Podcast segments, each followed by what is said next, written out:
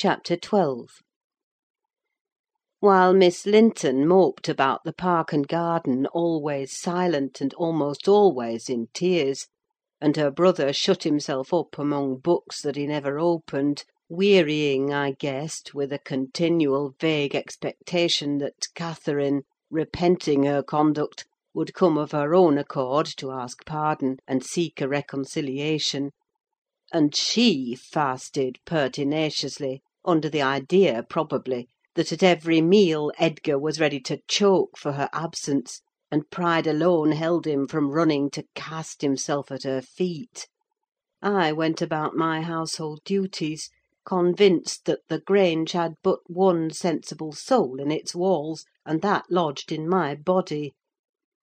I wasted no condolences on Miss, nor any expostulations on my mistress; nor did I pay much attention to the sighs of my master, who yearned to hear his lady's name, since he might not hear her voice. I determined they should come about as they pleased for me; and though it was a tiresomely slow process, I began to rejoice at length in a faint dawn of its progress, as I thought at first. Mrs. Linton, on the third day, unbarred her door, and having finished the water in her pitcher and decanter, desired a renewed supply, and a basin of gruel, for she believed she was dying. That I set down as a speech meant for Edgar's ears. I believed no such thing, so I kept it to myself, and brought her some tea and dry toast. She ate and drank eagerly, and sank back on her pillow again, clenching her hands and groaning. "Oh, I will die!"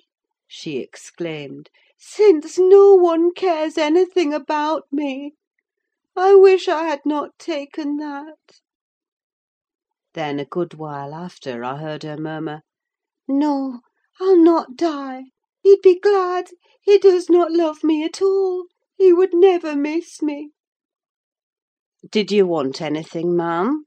I inquired, still preserving my external composure, in spite of her ghastly countenance and strange, exaggerated manner. "What is that apathetic being doing?" she demanded, pushing the thick, entangled locks from her wasted face. "Has he fallen into a lethargy, or is he dead?" "Neither," replied I, "if you mean Mr. Linton. He's tolerably well, I think; though his studies occupy him rather more than they ought: he is continually among his books, since he has no other society." I should not have spoken so if I had known her true condition; but I could not get rid of the notion that she acted a part of her disorder. "Among his books!" she cried, confounded. "And I dying! I on the brink of the grave! My God! does he know how I'm altered?" continued she, staring at her reflection in a mirror hanging against the opposite wall. "Is that Catherine Linton? He imagines me in a pet, in play, perhaps. Cannot you inform him that it is frightful earnest? Nelly, if it be not too late! As soon as I learn how he feels, I'll choose between these two: either to starve at once—that would be no punishment unless he had a heart—or to recover and leave the country. Are you speaking the truth about him now? Take care! Is he actually so utterly indifferent for my life?" "Why, ma'am," I answered, "the master has no idea of your being deranged; and, of course, he does not fear that you will let yourself die of hunger." "You think not? Cannot you tell him I will?" she returned. "Persuade him: speak of your own mind: say you are certain I will." "No, you forget, Mrs. Linton," I suggested, "that you have eaten some food with a relish this evening, and to morrow you will perceive its good effects." "If I were only sure it would kill him," she interrupted, "I'd kill myself directly. these three awful nights I've never closed my lids; and oh, I've been tormented! I've been haunted, Nelly! But I begin to fancy you don't like me. How strange! I thought, though everybody hated and despised each other, they could not avoid loving me. And they have all turned to enemies in a few hours. They have, I'm positive, the people here. How dreary to meet death, surrounded by their cold faces! Isabella, terrified and repelled, afraid to enter the room, it would be so dreadful to watch Catherine go. And Edgar standing solemnly by to see it over; then offering prayers of thanks to God for restoring peace to his house, and going back to his books! What in the name of all that feels has he to do with books when I am dying? She could not bear the notion which I had put into her head of Mr. Linton's philosophical resignation. Tossing about, she increased her feverish bewilderment to madness, and tore the pillow with her teeth; then, raising herself up, all burning, desired that I would open the window. We were in the middle of winter; the wind blew strong from the north east, and I objected. Both the expressions flitting over her face, and the changes of her moods, began to alarm me terribly, and brought to my recollection her former illness, and the doctor's injunction that she should not be crossed. A minute previously she was violent; now, supported on one arm, and not noticing my refusal to obey her, she seemed to find childish diversion in pulling the feathers from the rents she had just made, and ranging them on the sheet according to their different species: her mind had strayed to other associations. "That's a turkey's," she murmured to herself; "and this is a wild duck's; and this is a pigeon's. Ah, they put pigeons' feathers in the pillows: no wonder I couldn't die. Let me take care to throw it on the floor when I lie down.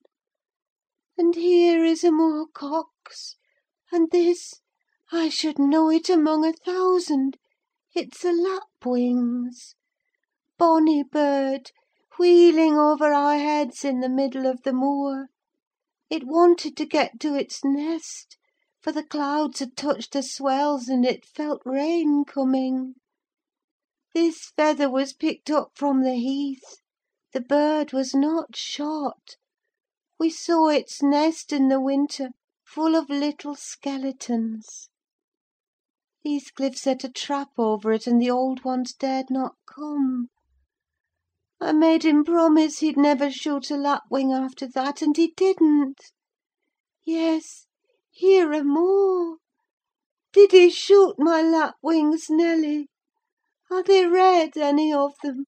Let me look."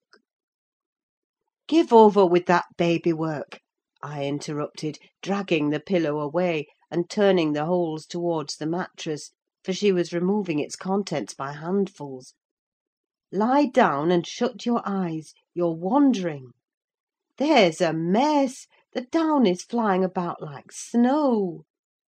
I went here and there collecting it. "I see in you, Nelly," she continued dreamily, "an aged woman: you have grey hair and bent shoulders. This bed is the fairy cave under Penistone Crags, and you're gathering elf bolts to hurt our heifers, pretending, while I'm near, that they're only locks of wool. That's what you'll come to fifty years hence. I know you are not so now. I am not wandering: you are mistaken, or else I should believe you really were that withered hag, and I should think I was under Penistone Crags. And I'm conscious it's night, and there are two candles on the table, making the black press shine like jet." "The black press? Where is that?" I asked. You are talking in your sleep." "It's against the wall, as it always is," she replied. "It does appear odd: I see a face in it." "There's no press in the room, and never was," said I, resuming my seat, and looping up the curtain that I might watch her. "Don't you see that face?" she inquired, gazing earnestly at the mirror; and say what I could, I was incapable of making her comprehend it to be her own; so I rose and covered it with a shawl. "It's behind there still," she pursued anxiously, "and it stirred. Who is it? I hope it will not come out when you are gone. Oh, Nelly, the room is haunted! I'm afraid of being alone." I took her hand in mine, and bid her be composed; for a succession of shudders convulsed her frame, and she would keep straining her gaze towards the glass. "There's nobody here," I insisted. "It was yourself, Mrs. Linton: you knew it a while since." "Myself!" she gasped. "And the clock is striking twelve! It's true, then! That's dreadful!" Her fingers clutched the clothes, and gathered them over her eyes. I attempted to steal to the door, with an intention of calling her husband; but I was summoned back by a piercing shriek: the shawl had dropped from the frame. "Why, what is the matter?" cried I. "Who is coward now? Wake up! That is the glass, the mirror, Mrs. Linton; and you see yourself in it, and there am I, too, by your side." Trembling and bewildered, she held me fast; but the horror gradually passed from her countenance: its paleness gave place to a glow of shame. "Oh, dear! I thought I was at home," she sighed. "I thought I was lying in my chamber at Wuthering Heights. Because I'm weak, my brain got confused, and I screamed unconsciously. Don't say anything, but stay with me. I dread sleeping: my dreams appal me."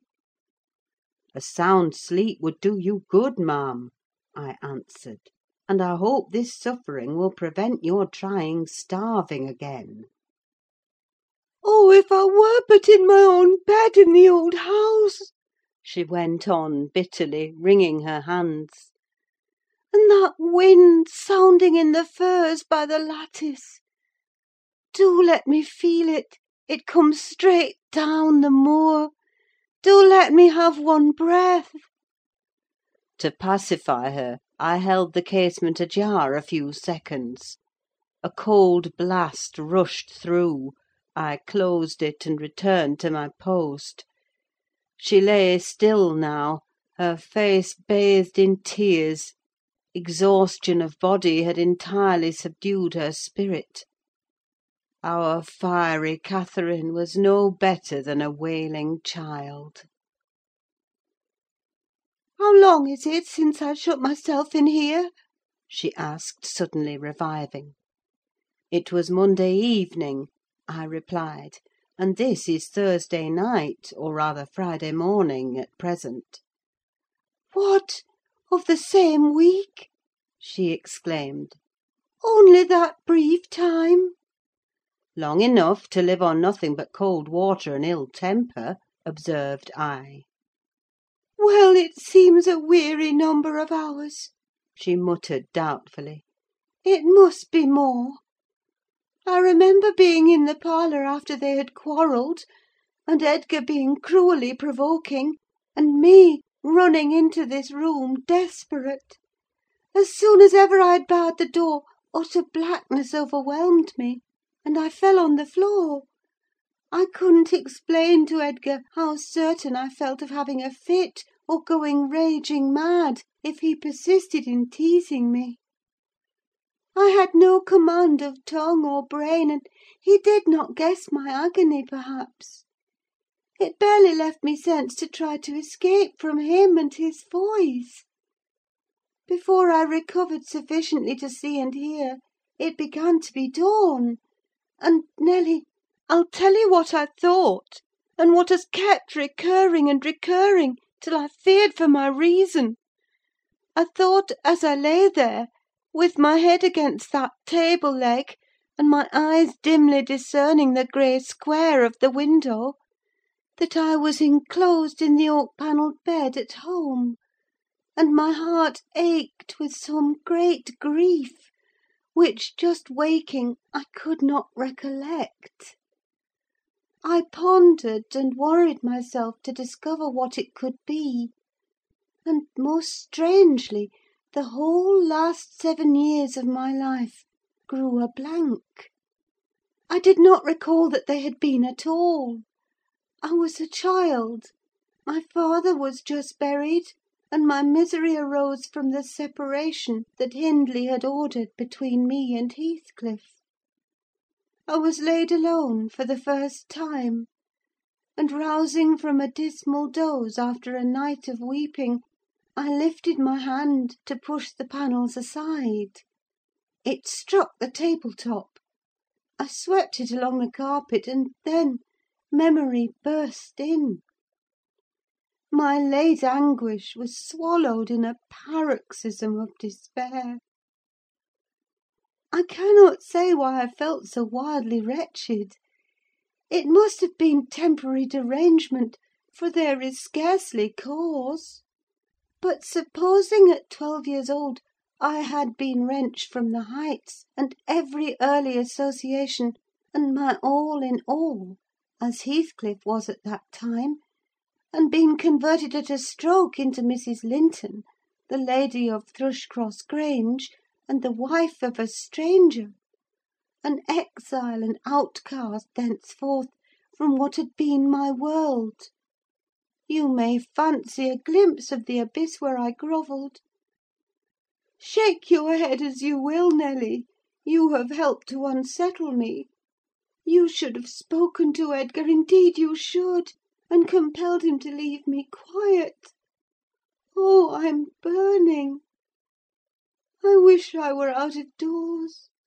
I wish I were a girl again, half savage and hardy and free and laughing at injuries, not maddening under them. Why am I so changed? Why does my blood rush into a hell of tumult at a few words? I'm sure I should be myself were I once among the heather on those hills. Open the window again, wide!